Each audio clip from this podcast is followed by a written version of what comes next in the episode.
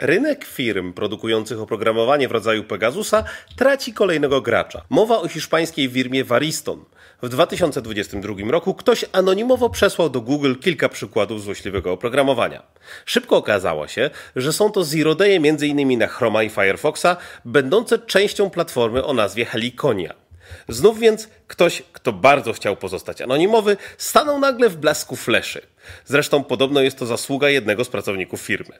A tych znów podobno jest coraz mniej, bo szczury opuszczają tonący okręt. Nie dowiemy się tego z LinkedIna, bo pracownikom zakazywano chwalenia się tym, gdzie pracują. Choć w sumie nie ma się czym chwalić. Niestety nikt nie chce podzielić się bardziej szczegółowymi informacjami z wewnątrz biznesu, no bo zakazują im tego umowy NDA. Z przecieków wiemy jednak, że oprogramowanie Heliconia miało być wykorzystywane przeciwko obywatelom m.in. w Zjednoczonych Emiratach Arabskich czy w Indonezji. beleza.